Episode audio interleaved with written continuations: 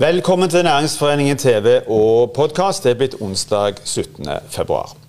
Noen elsker det, andre hater det. Vi snakker selvfølgelig om hjemmekontor. Er hjemmekontor kommet for å bli, og den blir den nye normalen?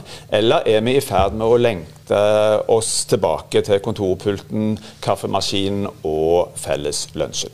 Og Hvor effektivt og sunt er egentlig hjemmekontor? Det er tema for dagens sending. I tillegg skal vi få et lite innblikk i Clubhouse. Egon Hagen, velkommen til oss.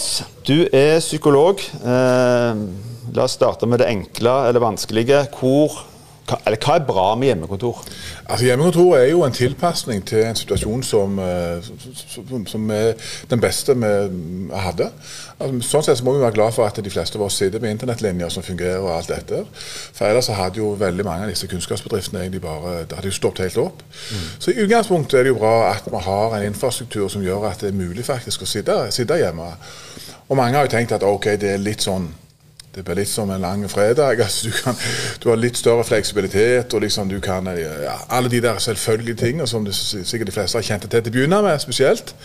At, uh, at den, denne fleksibilitetsgreia Du slapp liksom motorveien, og du slapp liksom mm. mange av de litt kjipe tingene med å drive commute fram og tilbake til jobben. Så, så, det er jo bra med det.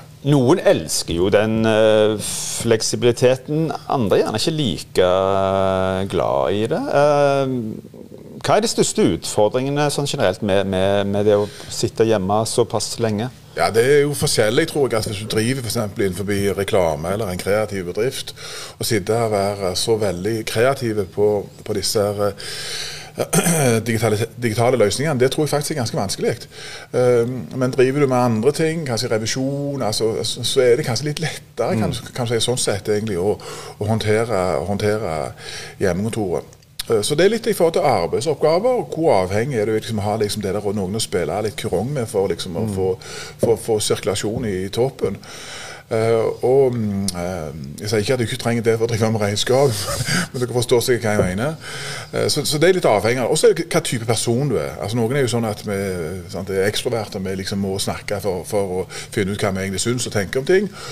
Og andre eh, introverte syns det er herlig faktisk mm. å slippe disse evig lange møtene egentlig, som alle tar slutt, og hvor de ekstroverte bare må si absolutt alt som kommer i hodet på dem. Men betyr det at de ekstroverte de på en måte sliter litt mer eh, i disse tider? For de får ikke det fellesskapet, den uh, sosiale biten, det på en måte å snakke ja. med folk, være uh, Det er riktig. Det, jeg tror de opplever, mange ekstroverte opplever at de henter energi med å snakke med andre og, og, og bruke på en måte folk egentlig for på en måte å, liksom, å, å liksom øke sirkulasjonen i, i, i tankesett. Og plutselig sitter du der alene. Og klart det er En stund der så kan du liksom kompensere med å snakke med deg sjøl eller med kona, eller til nøds med ungene òg, men så stopper jo det òg opp, faktisk. Så en del ekstroverte vil nok synes at dette har vært en utfordrende tid, og mangle, mangle de der å spille ball med og, mm. for å få liksom gang på tankene. Så var vi litt inne på det. Eh, vi er jo ikke like altså Det er jo forskjell på oss i forhold til hvor strukturerte vi egentlig er. Er det, er det vanskeligere, tror du, å strukturere arbeidsdagen din med, med hjemmekontor? Altså kanskje ta de to første timene i å sitte med PC-en i senga, eller hva det måtte være? Ja, der er du inne på noe vanvittig viktig, tror jeg. At vi er jo også der òg forskjellige. Noen er jo litt mer sånn eh, hva skal jeg si for noe strukturerte på naturens side. Så det er lettere for dem å på en måte lage hode og hale på dagen. Sørge for at det er nå jobber jeg, og nå jobber jeg ikke, og nå tar jeg lunsj. Og har på en måte veldig lett falt inn i egen sånn, De bare har kopiert videre liksom den, den, vanlige jobbhverdagen. Mens andre har i større grad behov tror jeg, for den der, den der ytre strukturen eller disse her, eh, for å regulere dette. Og, og Noe av utfordringen er jo selvfølgelig at eh, at du kan eh, at liksom du, Det blir ei smørje hele greia. At du har egentlig aldri helt på jobb, du er egentlig aldri helt fri. Mm. Og du plutselig så tar du deg sjøl og sitter der klokka halv elleve på en fredagskveld og sitter og svarer på en mail. Liksom, og, og, Det var i utgangspunktet en deilig ting, sant, at du har den fleksibiliteten. Men så har du det greien at du har egentlig aldri fri. Mm. Så det jeg har gjort, at jeg har lagd meg en lofts, loftsetasje helt øverst oppe. Der har jeg studd opp uh, eh, PC-en alle jobbting. Og når jeg går opp der oppe, da jobber jeg. Og når jeg går ned igjen derfra, så jobber jeg faktisk ikke. Med andre ord så er det ikke så veldig smart å, å, å ha på en måte den flytte den PC-en fra kjøkkenet til stua foran TV-en og til soverommet? Nei, det der folk har jo en fantastisk evne til å tenke sjøl. Så de fleste har jo sikkert funnet ut av det at hvis alt flyter, liksom, og du, har, du sitter liksom overalt og jobber, så har du aldri ei frisone. Og vi trenger det der å skru av. Vi trenger å vite at nå er det liksom, nå er det liksom pausetid, nå er det fritid. Alt kan ikke være en sammenhengende mm. halvjobb, egentlig. Men tror du det blir sånn for mange at det blir Eh, at det er enklere når du har hjemmekontor, at det, at det blir et mye svakere skille mellom jobb og fritid. Fordi at du, Er du hjemme, så kan du gjerne òg gjøre noen sånn praktiske ting. Og så tar du det gjennom kvelden, kanskje, fordi at det har litt med været å gjøre, og litt med om du har tilgjengelig bil, eller hva det måtte være. Tror du det har, at, at, at det smelter på en måte i større grad sammen? Ja, det smelter sammen, det er jeg helt sikker på. og Mange kan drive med det som psykologer kaller prokrastinering. Dvs. Si at spesielt hvis du har vanskelige oppgaver, og så vet du at jeg må på en måte prøve å knekke denne nøtta, så er det lett gjort å finne på at du skal ta en kopp kaffe til, eller du må ned og sjekke uh, vaskemaskin, eller kanskje er det noe teknisk du som mannfolk du må holde på med i kjelleren istedenfor. Uh, og sånn sett kan du skli unna istedenfor å ta de vanskelige tingene. Mm. Så her er det en utfordring selvfølgelig i forhold til å finne en struktur på dette. Og i sånn trade-offen med arbeidsgiver. Hva, når er det greit egentlig at du får på en måte arbeidsoppgaver fra, og kommunikasjon fra arbeidsgiver? Nå er det ikke greit. Altså, fordi at du tenker ok, jeg har det så fleksibelt og så greit egentlig, sånn sett at jeg må, jeg må, greier du den, så greier du den. Og så er det jo liksom at, at ting flyter, liksom vi var inne på tidligere. Tror du, tror du øh, årstiden har noe å si i forhold til dette? Jeg tenker litt sånn i forhold til Er det i mai, og det er sol, og det er lyst, og så er det litt annet enn midt i den verste mørketida hvor det er iskaldt, og en må fyre i peisen og måke snø, og hva det måtte være? Klart at dette har jo vært en eh, kan du si, eh, med stengte grenser og alle de eh, bedriftene som, som lider under det. og og den muterte virus, og at liksom dette vi, vi kunne ikke slakke opp så, så kjapt som vi hadde tenkt allikevel. Og i kombinasjon med at vi har hatt den kaldeste vinteren på, ja, på ti år, mm. så klart at dette ja, det er klart Noen er jo, har vært høytrykk og vi har sett himmelen, og det er jo fint sånn sett. Men det, jeg, jeg syns på mange måter det har vært kaldt egentlig på, på flere måter. Og mine tanker går jo spesielt til de som sitter i de næringene sant, som, som, er truffet så hardt egentlig av dette. Mm. Og klart at da, Hvis du da er hjemme og det er få andre å ventilere med, og du har bare konemor og deg, og det er røde tall, og du skulle egentlig sant, du har startet opp et eller annet, sant, har bare sto klar der med opprette armer, og så oppdager du plutselig at du blir skutt ned i flukten egentlig før du kommer i mm. gang. Og så skal alt dette på en måte håndteres psykologisk sett innenfor husets fire vegger. Ja, da skal du fyre ganske mye i peisen tror jeg, for å opprettholde kosen. Mm. Så er det jo sånn at Dette rammer jo, dette er jo en dugnad, sier vi hele tiden. Og så, så ser vi jo at det rammer jo veldig uh, ulikt. Hva, og nå har, en, nå har det gått et år. Uh, hva skal vi gjøre for å holde holde motet oppe og bygge hverandre opp? Det er jo sånn at Lykken er jo relativ. så vi har En, en, en av de fine tingene for å bruke et ord i forhold til den situasjonen vi har vært utfor, utsatt for, er jo at det har rammet hele Norge, det har rammet hele Europa, det har rammet egentlig hele verden. Så det er litt sånn regner det, så regner det. og this, this, is what you get. Så må du liksom bare håndtere det. Men hvis vi kikker litt nærmere på det, så er ikke det helt sant heller. fordi at det er en stor forskjell om du driver innenfor oppussing og interiørbransjen eller matvarebransjen for den saks skyld, som, som ikke har opplevd det samme, det samme spikerbomba som mange andre bransjer egentlig har opplevd. Mm. Så fra å tro at dette er noe som treffer oss ganske jevnt, så ser vi jo i realiteten at uh, dette ganske, har truffet oss ganske skjevt. Og da er det liksom, Psykologien er jo dette er at uh, uansett hvor meg og deg kan være i en, en, en like situasjon, så kan eh, du oppfatte dette på en helt annen måte enn meg. Og Der er det måte, kampen ligger. Hvordan skal vi greie å holde motet oppe? Hvordan skal vi greie å styre tankene sånn at vi ikke går ned nå i disse depressive tunnelene som fort folk kan forsvinne ned i. Mm. Altså den der, den der kampen, den indre kampen med oss sjøl liksom, på at vi gir oss ikke. altså Vi er, vi er tøffe vestlendinger. altså Vi skal stå han av. Mm. Og styre tankene sånn at vi greier så godt det er mulig å holde optimismen oppe. Og det vet jeg er mm. vanskelig. Mm.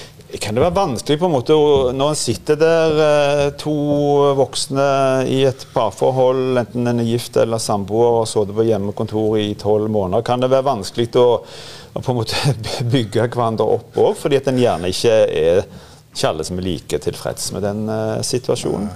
Eller, eller, eller spør på en annen måte, hvordan, hvordan, hvordan, eh, Vet vi noe om hvordan dette påvirker familieforhold, parforhold, når en blir sittende så, over så lang tid og tilbringer så mye tid sammen hjemme? Mm, nå har det jo vært litt uh, fokus på dette med unge og psykisk helse i det siste, som dere sikkert har sett. og det er, jo, det er, jo, unge barn som kommer fra familier. Og mange ganger så er jo på en måte unger egentlig sånn symptombærere for mange andre ting.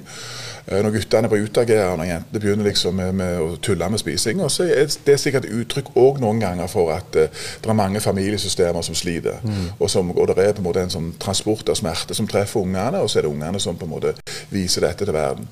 Så det, det er nok uh, altså Det å være i denne tosomheten og en litt påtvungen tosomhet. Altså, det, det, er over lang tid. Det kan nok være en utfordring for mange. Mm. Mitt tips er å prøve å altså Ikke sitt på samme plass som jobb. altså Hvor skal du gå en tur? Prøv av og til å gå en tur alene, eller lufte ved litt alene. Sånn at dere ikke går og trør oppi hverandre egentlig he, hele veien. Mm. Litt det der lille vedet skal styre det store vedet. Jon, helt uh, til slutt. Uh, nå har vi mange sittet på hjemmekontor uh, i store deler av det siste året. Tror du, tror du dette på en måte er med på å endre noen vaner? Og du tenker litt sånn I forhold til familiesituasjon òg, hvor en kanskje er vant med at en spiser middag klokka fem fordi mor og far kom hjem, eller en av de kom hjem klokka halv fem. I dag så er det på en måte Mange har mor og far hjemme. Kanskje blir middagen tidligere, kanskje må han hjelpe til med leksene, og så må han ta litt arbeidstid på kvelden osv. Tror, du, tror, tror du dette, når den tid kommer at uh, vi er ferdig med koronapandemien, at vi har endret oss på noen måte i forhold til hvordan vi, vi håndterer dette og lever sammen hjemme? Ja, altså det, jeg tror nok at dette kommer til å påvirke oss. Og akkurat helt hvordan det kommer til å påvirke oss, det vet vi jo ikke. Altså, eh, men jeg tror nok at eh, arbeidslivet er et gjennomgående, ganske strukturerende prosjekt for mange familier. Og klart Med en gang den dimensjonen forsvinner ut i forhold til denne familieligninga, så, så brytes ting opp på en annen måte. og og Jeg har en, en, en, god venn av meg som driver innenfor dagligvare, faktisk, og han sier at folk kjøper digg, egentlig. Det er liksom taco nesten hele uka for disse unger. Og klart at, og, og, og, uansett hva folk sier, så mange som du går inn og ser på de som virkelig sitter på tallene, og hva folk faktisk gjør, så ser du at det er noe mye høyere sånn kos-forventning, egentlig. Så litt sånn, litt sånn trøst, egentlig. Mm. Og det er jo bra for dagligvarebransjen. Det er litt verre egentlig for de som driver treningsstudioer, for de opplever jo at de skulle gjerne hatt kunder, de òg. Men ingen orker jo å begynne med liksom det nye prosjektet på nyttår, fordi at du vet ikke hvor lenge det varer. Egen Olsen, tusen takk for at Egen Hagen, unnskyld. Tusen takk for at du kom til oss. Lykke til. Takk for det. Noen er på Facebook, andre på Twitter eller Snapchat. Andre er på det aller meste, men eh, ikke alle har oppdaga det siste, siste nye for de som sliter med å få dagene til å gå, bl.a. på hjemmekontor, nemlig Clubhouse. Det skal vi snakke mer med om deg, Hallgeir Gustavsen. Velkommen til oss. Tusen takk. Tusen takk. Du er daglig leder, kreativ rådgiver i eh, Vekora. Si litt om det først. Hva er Vekora? Vekora er digitalt byrå som ligger i Sandnes. Hjelper kunder med eh, øke omsetning ved hjelp av digital markedsføring. Eh, nå må jeg rette på deg, fordi jeg var daglig leder til og med første i første. Mm. Da har jeg gått ned og bli eh, rådgiver igjen for å komme litt nærmere kundene mine. Mm. Det er mye å ha tid til alt. Eh, vi skal snakke om Clubhouse. og Jeg syns det var veldig spennende det dere snakka om nå i stad, med hjemmekontor. Fordi jeg tror nettopp at hjemmekontor er grunnen til den suksessen som Clubhouse har hatt nå bare de siste månedene. Mm. Eh, er du på Clubhouse? Nei. Eh, da skal vi fikse det. Eh, Clubhouse er jo da en lydapp som Det er et sosialt nettverk basert på lyd. Eh, litt som et radioprogram som er lineært, sånn at det er ingenting som tas opp, med mindre det gis ettertrykkelig eh, beskjed om det. Og du kan være med i forskjellige eh, rom. Så eh, dette kan ikke dere se, men jeg skal beskrive. Når du mm. åpner appen, så kommer du på en måte inn i en eh, la oss kalle det en konferansegang.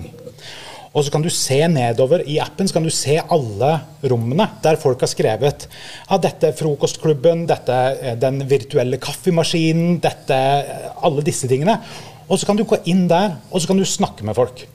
Bare, eller du kan gå inn og så høre på folk som snakker om markedsføring, oppstart, altså alt mulig, egentlig. Men er dette en slags sånn kompensasjon for uh, en slags erstatning for at vi ikke kommer oss på, på, på jobb? At det skal på en måte være en slags uh, ja, kall det for en erstatter? Uh, ja, jeg tror nok at hvis denne appen hadde kommet for to år siden, så hadde den ikke hatt samme suksessen så fort, i hvert fall. Mm. Og det at folk sitter på hjemmekontorene Jeg ser jo veldig mange av de gruppene jeg er med i, de handler om det, den når du tar den kopp kaffe, dagens første kaffe, eller lunsj, mm. eller middag Det er så mye eh, enslige, eh, eller single mennesker, som sitter på hjemmekontor hele dagen, og så kan de ikke gjøre så veldig mye på kvelden. Så da trekker de til f.eks. Clubhouse for å bare ha noen å prate med. Jeg har Så mange ganger mens jeg er tatt ut av oppvaskmaskinen, eller sånt, så har jeg en AirPod i og snakker med andre folk som, som gjør andre ting. da. Men jeg håper jeg, kan du ikke bare snakke på telefonen? jo, men da kan du kun snakke med de du kjenner. Mm. Jeg var i eh, et rom i dag tidlig eh, som het Frokostrommet. Da kom det inn ei veldig kul svensk dame som sa det at hun Eh, og Det, det beit jeg meg litt merke i, for hun sa at eh, hun hadde begynt å gå i spesielt, spesifikt i norske rom. Fordi eh, de, vi hadde hva, eh, Nå blir det paraphrasing her. Eh, hun sa at vi har en mer positiv holdning enn svenskene. Og at det er et, eh, på en måte et, det er en bedre start for henne på dagen å være inne og høre på nordmenn som snakker om hva skal dere gjøre i dag, hva har dere for planer? En litt sånn fellesskap og egentlig skryte hverandre opp og fram. Da. Hvem er egentlig uh, Clubhouse for? Hvis du har uh, minst ett øre som fungerer, uh, og en munn, så kan du være på Clubhouse. Du må for øyeblikket ha iPhone, så det ekskluderer ja, ca. halvparten. Men, eh, men, jeg tenker at Clubhouse er for de som har lyst til å ha et sted hvor de kan gå og snakke med folk. Om, du definerer da hvilke ting du er interessert i. altså Om det er kunst, eh, foto Det er veldig mange fotografer, mm. norske fotografer faktisk, som snakker fototekniske ting. Eh, markedsføring, det kan være eh, startups, det kan være veldig mye sånt. Og det, se for deg det rad, et, et, radioprogram som du kan bare høre på hvis du vil. Men hvis du har lyst til å stille et spørsmål til de som snakker, så kan du rekke opp hånda, bli tatt opp på scenen og sier du, når du sa det, hva mente du egentlig da? Og så kan du få en eh, utfyllende kommentar, eller du kan være med og bidra sjøl hvis du ønsker. Men er dette i første rekke et, eh, et sosialt eh, medium hvor en kommuniserer med andre, og som er på en måte i første rekke for oss som privatpersoner, eller kan du relatere det til bedriftsliv, næringsliv, organisasjonsliv? Jeg, jeg tror at uh, altså vi, vi, ser jo en del politikere som har begynt å, uh, begynt å bruke det. Uh, jeg var i et rom med Trine Skei Grande nå i går, tror jeg. og jeg, jeg, tror at flere kommer til å få opp øynene for det. Jeg vet at veldig mange bruker det, eller jeg har brukt det sjøl, for produkttesting. jeg lager et digitalt produkt. Eh, jeg har lyst til å få, eh, for du, Når du skal teste ut sånne produkter, så vil du gjerne ha de som er early adopters til å teste det. For hvis du får med de, så er det lettere å få med eh, majoriteten. Sånn at hvis du da går inn på Clubhouse i et rom som handler om det produktet ditt handler om, så sier det hei, jeg har et produkt. Jeg lurer på, kan dere se på det gi meg tilbakemeldinger? Så kan du få samtids tilbakemeldinger på hva folk syns om det du har lagd. Mm. Kjempebra. Helt til slutt, uh, Helge. Det er ikke fare for at vi er eh, etter et år med korona og mange sitter store deler av dagen på Teams og andre digitale uh, sosiale medier, at vi etter hvert begynner å bli ganske lei av å, å kommunisere med folk uh, via mobiltelefonen eller hva det måtte være? Jo, det er et kjempeproblem. Uh, og det mener jeg at Clubhouse er en del av om ikke løsningen, så i hvert fall en ting hvor du slipper å nå vet jeg ikke med deg, men jeg slipper i hvert fall å sminke meg før jeg skal snakke med noen på Clubhouse. Mm. Ikke trenger jeg ordne meg på håret heller. Uh, sånn at uh, det er veldig greit. Men, men, det er en veldig sånn ærlig og redelig Alt du legger ut på Facebook og Instagram og sånt, kan være veldig uh, håndplukka og editert og sånt. Du klarer ikke det på en plattform hvor du må snakke med folk. Det må vi stanse. Uh, Hallgeir Gustavsen, tusen takk for at du kom til oss. Lykke til. Takk. Da er òg denne sendingen slutt. Takk for at du så på oss. Vi er tilbake igjen i morgen på samme tid. I mellomtiden, hold avstand, ta godt vare på hverandre.